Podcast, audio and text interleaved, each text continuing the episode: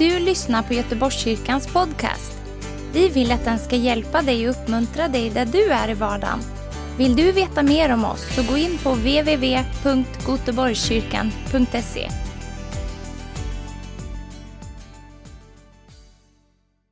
Vad härligt att ha gudstjänst. Alltså finns det något bättre? Visst är det fantastiskt att bara få veta att hur veckan än har varit så får vi bara komma tillsammans och fira gudstjänst.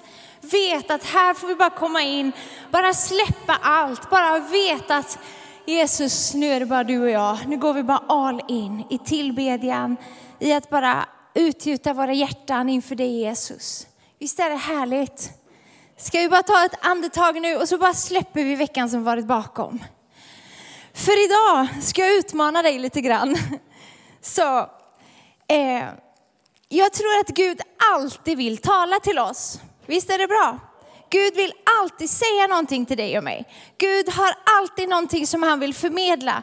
Oavsett hur bra eller dålig du tycker en predikan är, så vill Gud alltid tala. Det finns alltid något eller massor eller mittemellan vad du tycker att Gud talar. Men oavsett vad du tycker så talar Gud. Och det är det som är så fantastiskt. Så vi är ju inne i en period där vi predikar ut allt fantastiskt som händer i apostlagärningarna. Och vi har kommit till kapitel 21. Det som har hänt innan är ju att eh, Paulus har gett avsked till eh, Efeserna, äldste där. Han påminner Efeserna om allt vad han har lärt dem om hur de ska uppträda som ledare och andens liv och, och så vidare, hur de ska träna människor. Och han börjar närma sig slutet på sin tredje missionsresa. Så här är vi nu. Han åker vidare. Eh, ni som har Bibeln med er kan slå upp Apostlagärningarna kapitel 21. Vi läser från vers 1. Efter att ha skilts från dem och lagt ut seglade vi rakt ut mot Kos och kom nästan, nästa dag till Rhodos och därifrån till Patara. Där fann vi ett skepp som skulle fara över till Fenicien och vi gick ombord och la ut. Vi siktade Sypen och lämnade ön bakom oss på barbord sida, seglade till Syrien och kom till Tyrus där lasten skulle lossas. Vi sökte upp lärjungarna och stannade där i sju dagar. Genom anden sa de till Paulus att han inte skulle fara upp till Jerusalem.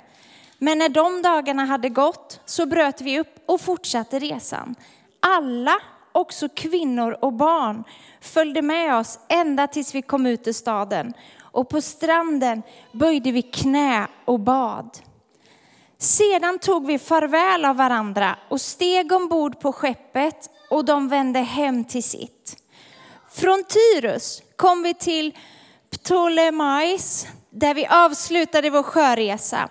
Vi hälsade på bröderna där och stannade hos dem en dag.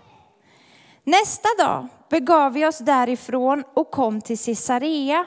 Där tog vi oss in hos evangelisten Filippos som var en av de sju och stannade hos honom.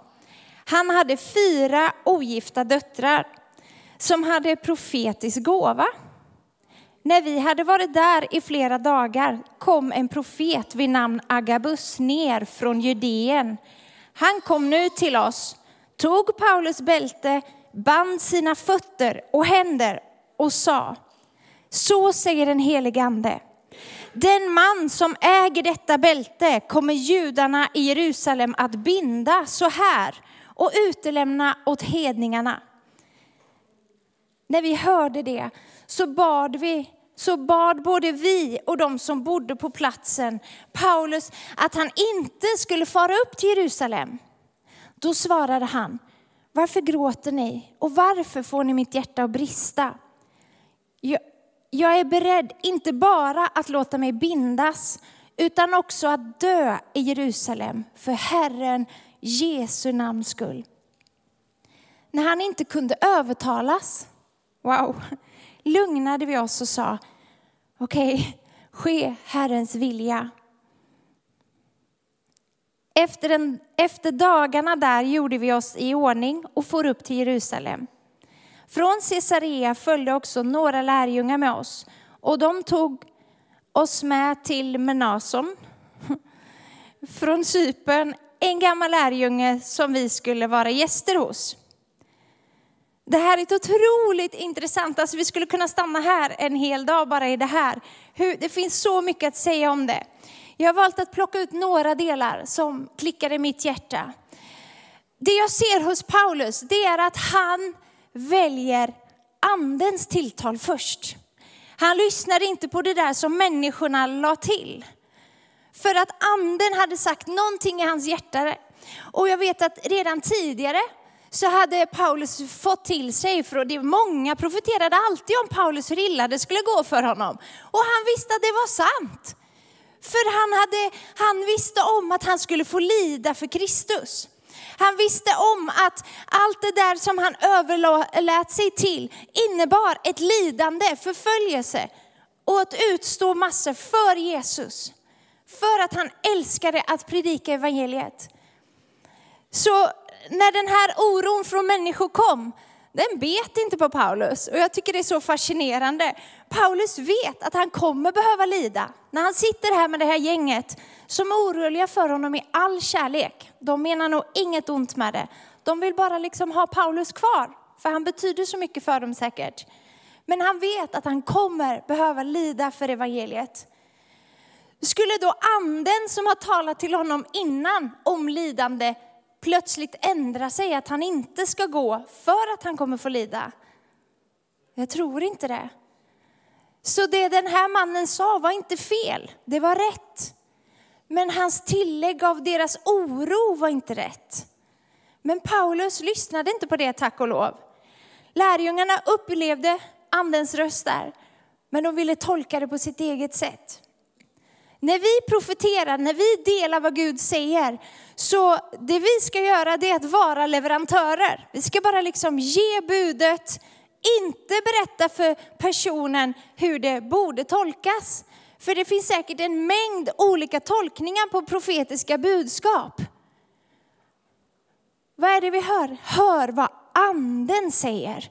Det står inte hör vad människor säger. Och det är en jättestor skillnad på det. Så i andra Korinthierbrevet 4 och 18 så står det att vi riktar inte blicken mot det synliga utan mot det osynliga. Det synliga är förgängligt, men det osynliga är evigt. Och jag tror att Paulus blick var fäst på det eviga, det osynliga, det som man inte kunde se framför sig. För det synliga, det allting som man såg, det skulle ändå försvinna. Lidandet skulle också försvinna. Även om det är lätt för oss här idag, cirka 2000 år senare, att stå och prata om ett, ett sånt lidande som kanske inte någon av oss ens har varit i närheten av. Men Paulus hade en sån enorm kärlek till Gud, en sån överlåtelse. Han blev så totalomvänd. Och jag tänker mycket på det där, hur långt skulle jag själv vara beredd att gå för Jesus? Hur skulle jag känna i en sån situation när jag vet att vi är kanske på väg in i ett farligt område? Är jag beredd att offra mitt liv och mista det för Jesus skull? Det kräver ganska mycket av oss att få den enormt höga överlåtelsen. För idag i jordelivet så betyder våran familj mest av allt för oss, eller hur? Och det är här Gud utmanar oss. Tänk om Paulus hade lyssnat till dem. Tänk om han inte hade fortsatt sin missionsresa som Gud hade kallat honom till. Tänk alla människor som inte hade fått den här lärjungaträningen, den här visheten. Allting som Paulus gjorde efter det här. Tänk om han hade bara valt en bekvämare väg, ett bekvämare liv. Som jag kanske ibland väljer, kanske du också. Jag har själv stått inför situationer där jag behövt sålla mellan människor och anden. Inte på samma sätt som Paulus här när det gäller sån enorm fara, men du kanske känner igen dig att du behövt ställas inför, ska jag lyssna på anden? Det här verkar så knäppt, men jag vet att det är bra. Eller ska jag lyssna på människor där det kanske blev en bekvämare, enklare, lite mindre oroväckande väg? Det är inte alltid Guds plan och bekvämlighet hänger ihop. Har ni märkt av det? Det är inte alltid bekvämt att följa Gud. Så eh, om vi tittar här i vers 5 så blev jag väldigt fascinerad av att när de säger att alla kvinnor och barn, alla bara följde med honom ut. Det visar att Paulus, de människorna som var runt omkring honom, det var så många människor som älskade honom, kanske var oroliga för honom. Men alla bara följde honom ut till stranden där i Tyros. Man kan, jag googlade på lite bilder, det finns liksom som en liten udde där eh, vid Syrien. Som de gick ut mot en liten udde och så står det att de böjde knä vid stranden. Jag kan tänka mig, tänk om en hel församling hade liksom gått ner till hamnen och böjt knä när vi ska skicka vidare en, en missionär. Skicka vidare någon som ska ut och predika. Alltså det talar nog väldigt starkt till människor, vilken manifestation. Snacka om demonstration. Sådana demonstrationer är bra, när alla går ut och böjer knä och ber till Gud. Mer sånt. Men Paulus var otroligt medveten om den farliga resa han gjorde. Så han kanske böjde knä tillsammans med dem och bad. Kanske dels för att få kraft och styrka själv, kanske dels för att trösta de människorna som han älskade tillbaka. Men han var totalt överlåten i sin kallelse. Medan människor fortfarande kanske bara stod vid stranden och bara grät och säger, men snälla Paulus, åk inte, det är för farligt, vi kommer aldrig träffa dig igen. Ni vet, det finns alltid liksom människor som oroar sig jättemycket. Och det är inte alltid lätt att tackla. Men Jesus vill alltid ge oss tröst och uppmuntran och frid och tro på honom.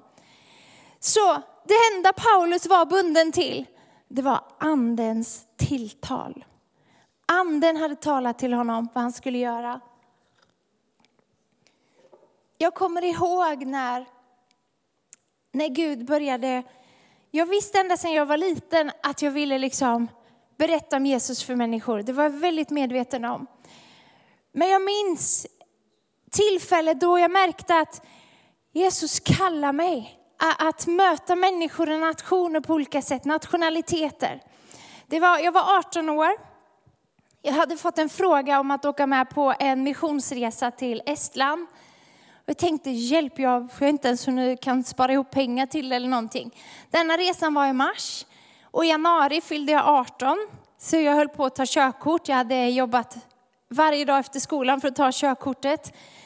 Så köpte jag en bil dagen innan jag skulle köra upp i tro och tänkte att det här kommer gå bra. Och det gjorde det. Så den här stackars lilla Saben som inte hade någon nyckel utan som man fick köra med en skruvmejsel. Ni vet, förr i tiden så kunde man ha en nyckel här. Så min uppfinningsrika brorsa hade slått in skruvmejsel för nyckeln var lite sönder. Så när andra hade en fin nyckel i handväskan så hade jag en skruvmejsel. Denna Saben var jag så lycklig över. Och min andra äldsta brorsa Marcus hjälpte mig fixa till den, renovera den så att den funkade. Det var bara det att batteriet var alltid slut, så man kunde aldrig stänga huven när man gick in någonstans. För då var jag tvungen att gå ut och skruva av minuskabeln på batteriet så att det inte skulle ta slut när jag kom ut. Så jag hade alltid huven öppen. Eh, för att den där vajern som man drog i var också sönder. och Då fick jag med mig en tång i handväskan så jag kunde dra i vajern om jag hade råkat stänga huven. Så började min missionskallelse. Denna bilen som jag var så lycklig över sålde jag för att få ihop pengar till denna missionsresa som skulle vara två, tre månader senare i mars, april någonting. Vi åker till Estland. Vad pratar vi om nu? Det är 96. Det är ju några år efter kommunismens fall. Några år efter där nere i Rumänien har fallit. Jag kommer nämna det lite senare. Det är liksom en ganska skakig period inne i Baltikum fortfarande. Kommunismen har haft en väldigt stark påverkan där. Vi åker, vi vet att det är ganska spänt att åka in och, och predika evangelium där. Vi hade med oss massa mat och kläder och grejer. Eh, och vissa saker fick vi inte ha med oss. Men vi hade det ändå. Men säg inte det till någon, för så här är ju länge sedan nu. Så jag tror det är lugnt. Vi hade med oss massa grejer som vi hade gömt under filtar och sådär. Och jag minns jag att jag var så pirrig i bilen när de gick runt bilen i tullen med sina k-pistar och allt vad det är. Ni kan ju tänka en liten tjej som knappt har varit utanför den här lilla hålan på 8000 personer i staden. Så sitter vi där, vi fastnar i tullen, det tar flera timmar att komma vidare. De förhör och förhör och förhör. Och vi kan inte säga rent ut att vi ska in och predika evangelium. För då hade vi fått vända tillbaka eller åkt fast.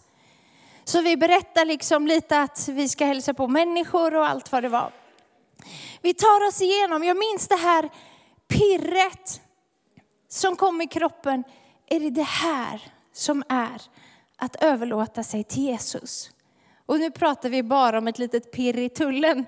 Men för mig var det stort där och då. Så man ska inte liksom ringakta varje beslut som vi behöver göra för att gå med Jesus. Vi, vi åkte ner till, eh, eller till Tallinn första Estland, vi åkte till Dagapils, Riga, Vilnius och andra platser där. Vi fick predika, möta människor, vi mötte barn och församlingar. Vi fick, jag tror vi fick liksom gömma oss vid något tillfälle, för de kunde inte ha offentliga gudstjänster på alla platser, för det fick de inte. Det var läskigt att inte alltid veta vad som skulle hända. Det är fortfarande inte i närheten av det som Paulus var med om. Men vi vet inte vad, vad som kunde ha hänt om man åker fast eller sådär. Eh, men jag minns att den här längtan bara väcktes i mig. Det här måste jag göra mer. Och jag, jag tror att idag så ska Gud bara få väcka en längtan i dig. Vad är det du bara måste få göra mer av? Som du kanske har smakat på, som du kanske har rört vid, som du kanske liksom bara har, någonting har bara rört vid ditt hjärta. Någonting har tagit tag i det i livet men som kanske har blivit lagt på hyllan. Eller liksom underskuffats av livets alla olika händelser. Jag tror att Gud vill väcka upp någonting i våra hjärtan idag. Efter den här resan var jag omskakad på insidan. Men jag visste inte vad jag skulle göra med det. Jag visste inte vart börjar jag någonstans. Så Gud började tala om en bibelskola. Men det var en sån brottningskamp för liksom hemma. Jag hade det ganska tufft hemma just då, utmanande på olika sätt. Det var tufft i, i att liksom fokusera skolan och sånt där. Så jag kände bara i min hjärna, och i mitt hjärta så var det bara ett fullständigt kaos. Men mitt i det här så kommer Gud och talar om bibelskola. Men ni vet, det, det ska inte vara lätt alltid för Gud att få tag i oss. Så jag var lite jobbig där, brottningskamp ett tag. Så den sommaren, så nu ska ni få höra lite om en annan sida av mig. Eh, som inte bara är liksom glitter och glamour och nya skor, eller på att säga. Den sommaren så kände jag bara, jag måste bara få veta vem jag är. Jag måste bara få, jag måste bara få, liksom, få någon slags bekräftelse. Vem är jag? Så vi, eh, ni vet Nyhem som är där. Vi var ett gäng tjejer som åkte ner till Nyhem en kväll. Jag hade övertalat morfar att jag skulle köra superförsiktigt med hans nypolerade Opel Berlina. De tillverkades väl inte ens längre. Han hade liksom en sån här fin bil som han körde ut och in i garaget med till affären och lite sådär. Så ingen fick någonsin köra den för han var så rädd om den här. Han var inte snål men han var väldigt rädd om grejer. Så efter lång övertalan fick jag ta den här fina bilen. Jag hade bedyrat att jag skulle köra jätteförsiktigt. Den liksom, du vet förr var det så här krom, allting blänkte. Morfar han var sån här, varenda verktyg hade han på plats.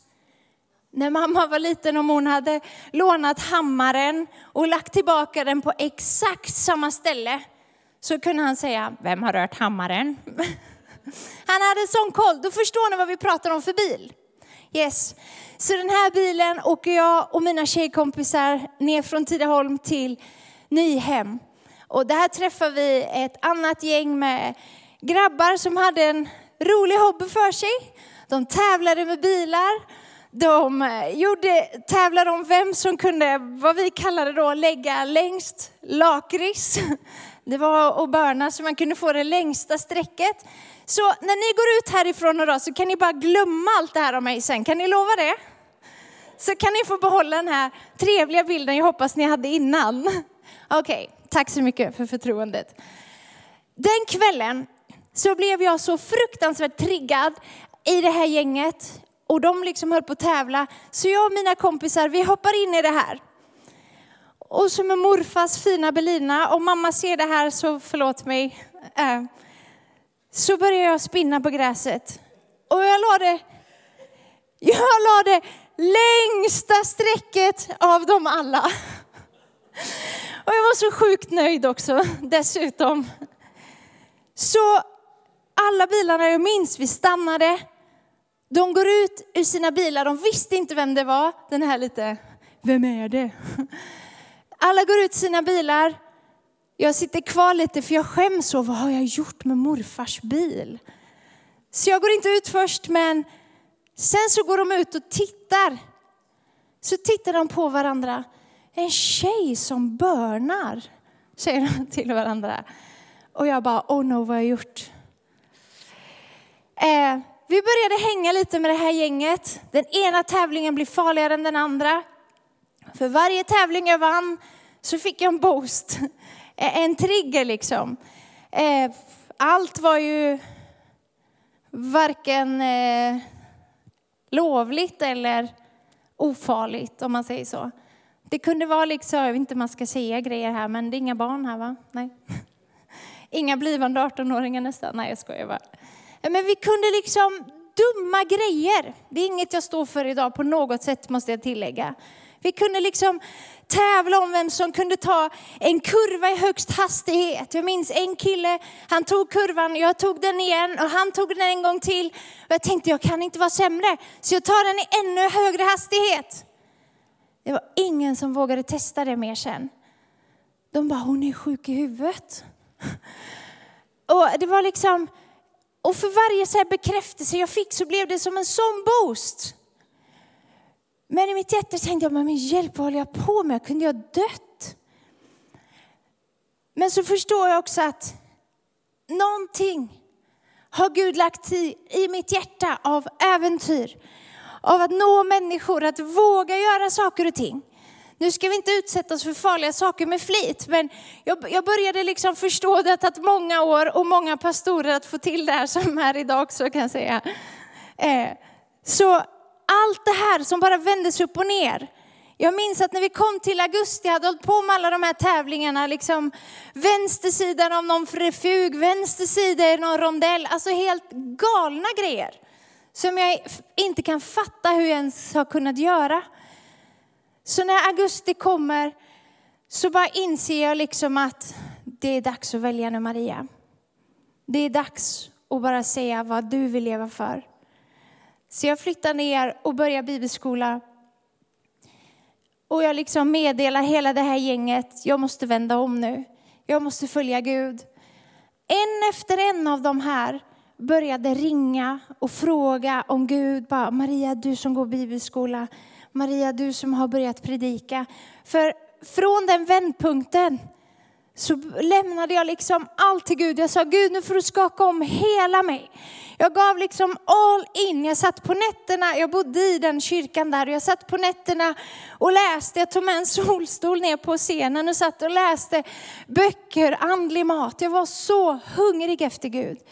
Jag kunde ligga på golvet och bara be att Guds ande skulle komma över mig. För att jag skulle få predika. För att jag skulle få betyda någonting för människor. Och när Gud liksom bara får tag i det där i våra liv, i våra hjärtan, så blir det sån skillnad att vi vill inte göra saker och ting för en egen boost. Vi vill inte göra saker för egen skull, utan vi vill göra saker för att människor ska få samma möte som du och jag får.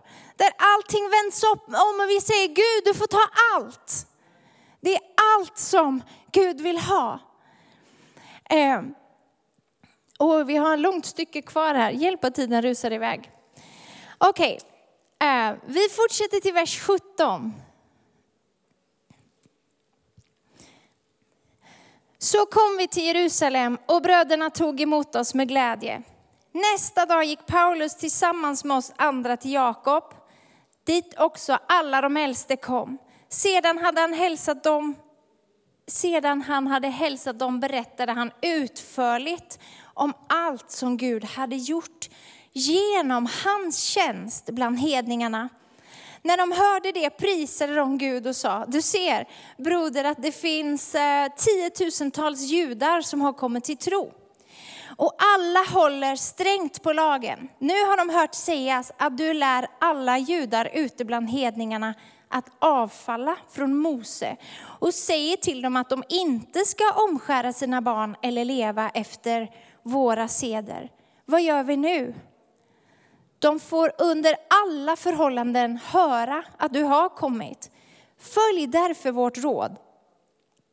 Vi har fyra män som har avlagt ett löfte Ta dem med dig och rena dig tillsammans med dem och betala för dem, så att de kan låta raka huvudet. Då kommer alla att förstå att inget av det de har hört om dig är sant, utan att du själv håller fast vid lagen och lever efter den. Men när det gäller hedningarna som har kommit till tro, så har vi skrivit och gett dem besked om vårt beslut. De ska avhålla sig från kött som offrats till avgudar, från blod, kött från kvävda djur och otukt. Då tog Paulus med sig männen och nästa dag renade han sig tillsammans med dem och gick till templet och gav till känna när renhetsdagarna skulle vara avslutade och offer bäras fram för var och en av dem. Den här stycket börjar med att människorna tog emot Paulus med glädje i Jerusalem. De samlades och de delar, han får dela massor av saker som han har varit med om. Han berättar vad Gud har gjort. Han berättar liksom vad den heliga ande har lett honom i. Och människor bara älskar att ta emot när någon kommer, kanske missionär. Jag vet när vi har rest på olika länder att, att människorna som man kommer till blir så otroligt glada Ibland så tror jag att man fokuserar alldeles för mycket på själva missionären i sig. Vi får inte glömma bort, det är liksom mottagaren som är det viktiga. Det är ju vad mottagaren kan få tag i av Gud som är det viktiga. Så ni kan se liksom, de sitter och bara är så lyckliga över att Paulus har kommit. Så är det någon som kanske harklar sig. Houston, we have a problem. Fast Apollo 13 fanns inte då. Men han säger vi har ett problem. Det är att det är tiotusentals judar som har tagit emot Jesus. Tiotusentals, what? Så ni förstår vilken press det också finns på de här ledarna att han har gått emot Mose lag. Eh, medvetet eller omedvetet. Han kanske var entreprenör, det kanske gick snabbt. Han sa det där behöver ni inte göra, jag vet inte. Men de här ledarna var kloka. De hittade en väg. För det var fyra stycken som hade avgett ett löfte, troligtvis ett sånt nasirlöfte där man avhöll sig från kanske viss mat, från vin. Det minsta som perioden man gick in i var 30 dagar och när de dagarna var slut så rakade man sitt hår och så offrade man som ett tecken på att den perioden var över. Så de här ledarna föreslår att han ska hänga på det här. Om du bara liksom kommer med i the grande finale och gör samma sak så visar vi alla judarna att du liksom förstår bättre. För de här ledarna förstår ju att när han har sagt det här, eh, we might have a problem. Det kan bli bråk. Det kan bli bråk för alla de här. Så tack gode Gud för kloka ledare som bara hjälper människor att, att förstå det här. För Paulus visste ju att han behöver resa vidare. Han har inte tid säkert heller att stanna och ha ett bråk med massa, med massa judiska ledare eller arga människor. Så han gör detta. Han får dessutom betala för offren. Jag vet inte om det är straff eller möjlighet eller något fantastiskt för honom. Men han vet, som det står i psalm 145 och 15, att allas ögon väntar på honom, att han ska ge dem deras mat i rätt tid. Jag tror också att det finns en tolkning av att han ska, eh, att det finns en tolkning av att han ska ge dem profetiska tilltal, det som öppnar deras ögon. Människor är hungriga efter att få få det som öppnar ögon. Så vi ska gå in i avslutning här nu. Lovsångare, ni kan gärna komma upp och ta plats. Det vi får lära oss om Paulus, det är att Gud verkar i hans tjänst när han följer honom. Jag vill inte missa min tjänst. Jag tror inte att du vill missa din tjänst. Jag tror att Gud vill påminna oss och väcka upp en kallelse som finns i våra liv. Det finns ett rop från den heliga Ande idag. När jag bara blundade hemma och bara såg alla människor framför mig som sitter i kyrksalen, kanske hemma vid din tv, dator, telefon, på Vision Sverige, vart den är. Har du låtit Gud få verka i din kallelse? Är du i din kallelse? Jag vill bara att du funderar i ditt hjärta och vågar säga Gud, vad är det som krävs för att jag ska få gå dit du leder? Att jag ska få göra det du gör. Och jag bara tänkte på det här så mycket om, när vi pratar om mission och missionärer, så tänker jag, varför har vi gjort det till en grej att någon är kallad till missionär, den är kallad till missionär, när det står i ordet gå ut till alla folk. Är det inte så att vi alla har en missionskallelse på oss? Är det inte så att vi alla har en kallelse att nå människor? Om det är så här eller i ett annat land eller vart det än är.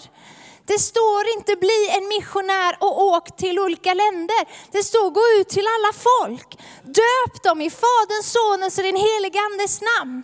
Vi ska träna lärjungar, få be med människor till frälsning, få, få be igenom till andens dop. Det är det som är vår uppmaning. Så kan vi liksom bara sudda ut lite det där om att han är missionär eller hon är missionär. Självklart är det en bra benämning, ibland så behöver vi titlar för att det är lättare att ha en arbetsform.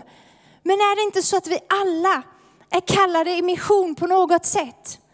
På hemma eller bortaplan eller på olika sätt givande, att bara ge förlösa människor så att de får ekonomi och bygga skolor, kyrkor, att kunna, evangeliet ska kunna predikas. Så jag vill bara att vi skakar om kanske ett gammalt tänk. Att vi bara frågar Jesus, Gud vad vill du säga till mig? Gud var min herde. När du är min herde så ta över hela mig. Varsågod, du kan få börja spela lite. Trots att Paulus visste om att både hans händer och fötter skulle bli bundna. Profeten som kommer in och säger, vem är det här skärpet? Den som äger det här skärpet kommer få bli bunden i både händer och fötter så här. Och så illustrerar han. Om Paulus hade backat så hade evangeliet inte predikats. Om vi backar från kallelsen som Gud ger oss så kommer inte det utföras så som Gud hade tänkt först. Naturligtvis kan Gud använda, använda människor. Han är inte begränsad av dig och mig, men vi är hans förlängda arm på jorden. Vi är den som Jesus vill sända till människor. Så vågar du säga, Gud, jag vill gå vart du än kallar. Jag vill gå vart du än leder mig. Jag vill tala när du än leder mig. Tackar dig Jesus. Tack att du är den som kallar Herre. Tack Jesus att det inte är människor som kallar Herre. Tack att du är den som bara löser oss från fruktan eller det som håller oss tillbaka Herre. Tack att vi ska vara redo att gå dit du leder oss Herre. Halleluja Jesus. Tack att du bara rör vid våra hjärtan just nu Herre. Åh Herre. Kom och bara tala till oss. Är det något vi har missat Herre? Är det någonting mer vi behöver höra från dig Herre? Är det någonting mer vi behöver försaka eller offra Herre? Åh Jesus. Bara kom och gör det genom oss Herre. Ge oss frimodighet Herre. Och låt oss bara få kliva ur bekvämlighet Herre. Så att det inte får hålla oss tillbaka Herre. I Jesu namn Herre. Vi ska bara sjunga en sång tillsammans. Och låt den sången bara få beröra ditt hjärta. Och om den heliga Ande rör vid dig, säg ja. Säg ja. Det är mycket mer spännande liv att gå med Gud än att inte våga bli ledd av honom. Det är så spännande. Vi har inte full kontroll. Vi vet inte vad som kommer hända. Men det är så spännande att leva i Guds vilja.